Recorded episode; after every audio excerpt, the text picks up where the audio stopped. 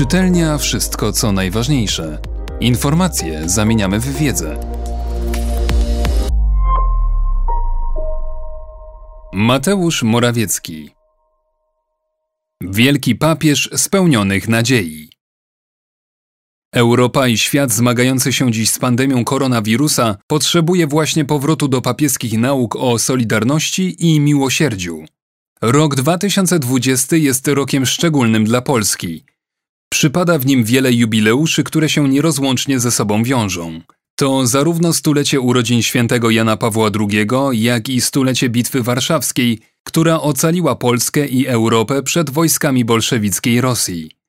To właśnie Wiktoria Warszawska stworzyła młodemu Karolowi Wojtyle szansę na wychowanie się w wolnej Polsce, której kres wyznaczył atak nazistowskich Niemiec 1 września i sowieckiej Rosji 17 września 1939 roku. Niepozorny chłopak z Wadowic został papieżem i pomógł pokonać imperium zła. To bez wątpienia jedna z najbardziej niezwykłych historii XX wieku. Kim dla mnie był Jan Paweł II?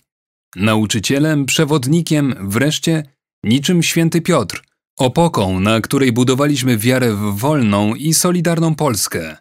Nauczanie papieskie było zawsze obecne w moim rodzinnym domu. Miałem to szczęście, że miłosierdzie, o którym tyle mówił Jan Paweł II, moi rodzice głęboko schowali w sercach. Moja mama z właściwym sobie ciepłem przekuwała wielkie papieskie słowa w praktykę codzienności. Do dziś pamiętam, jak mój świętej pamięci ojciec z wielkim przejęciem czekał na papieską pielgrzymkę do Polski. Z transparentem wiara i niepodległość w dłoni oraz z odwagą, by walczyć o Boga w czasach lęku i niewiary. Ateistyczny komunizm nigdy nie rozumiał prawdziwej potęgi papieskiego nauczania, w którym kluczową rolę odgrywała ludzka godność. Mrokom głębokiego PRL-u Jan Paweł II przeciwstawiał intelektualne i duchowe bogactwo katolickiego personalizmu. To z niego zrodziła się Solidarność. W pewnym sensie rewolucja Solidarności była rewolucją chrześcijańskiego personalizmu, rewolucją ludzkiej godności. Jan Paweł II nie tylko zmienił bieg dziejów, ale też pozwalał je na nowo zrozumieć. Historia zawsze była moją pasją i muszę przyznać, że lektura papieskiej książki Pamięć i tożsamość poruszyła mnie jak mało która w życiu. To niezwykłe świadectwo uświadamiające nam wszystkim, że chrześcijaństwo to prawdziwe serce Europy.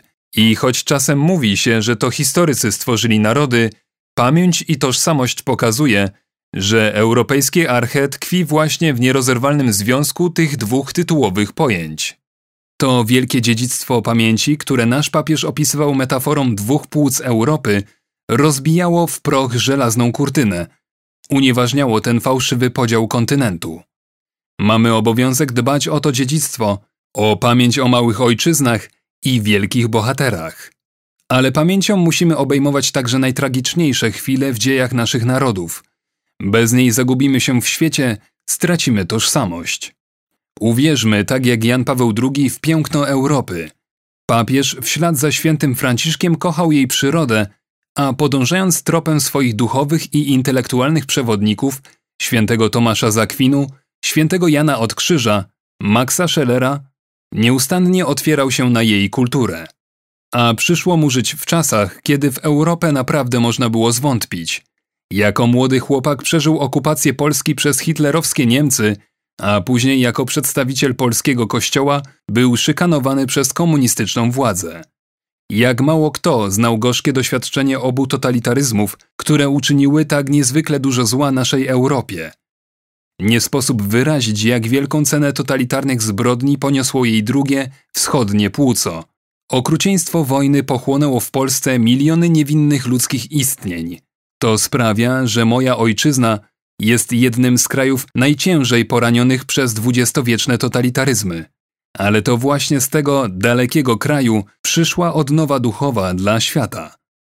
Do Rzymu święty Jan Paweł II zabrał ze sobą przesłanie Faustyny Kowalskiej o miłosierdziu Bożym i to on wyniósł polską mistyczkę na ołtarze.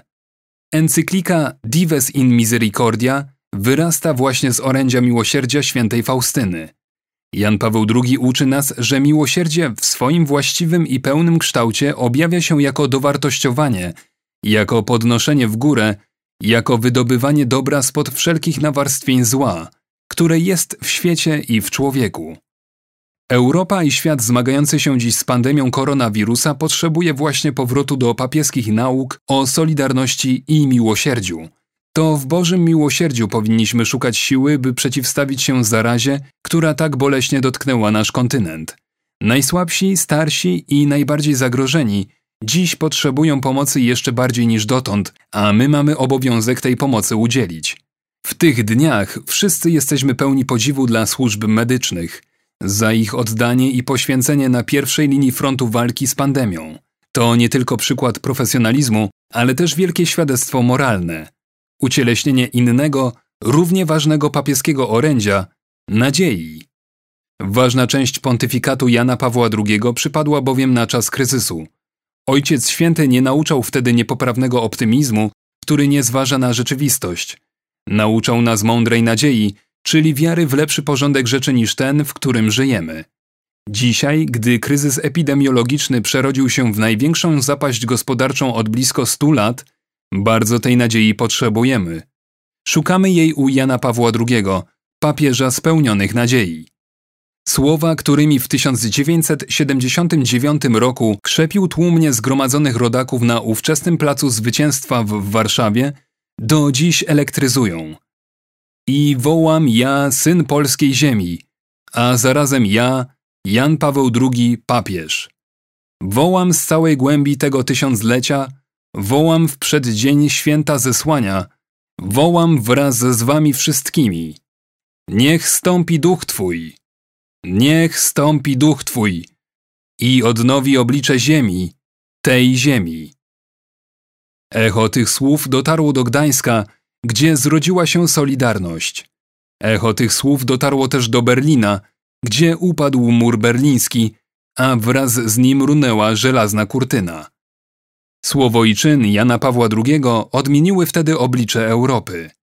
Niech to papieskie dziedzictwo także dziś odmienia oblicze każdej europejskiej miejscowości zmagającej się z pandemią. Niech w każdym zakątku naszego kontynentu przynosi nadzieję, solidarność i uzdrowienie. Czytelnia Wszystko co najważniejsze. Czytał Mateusz Mleczko.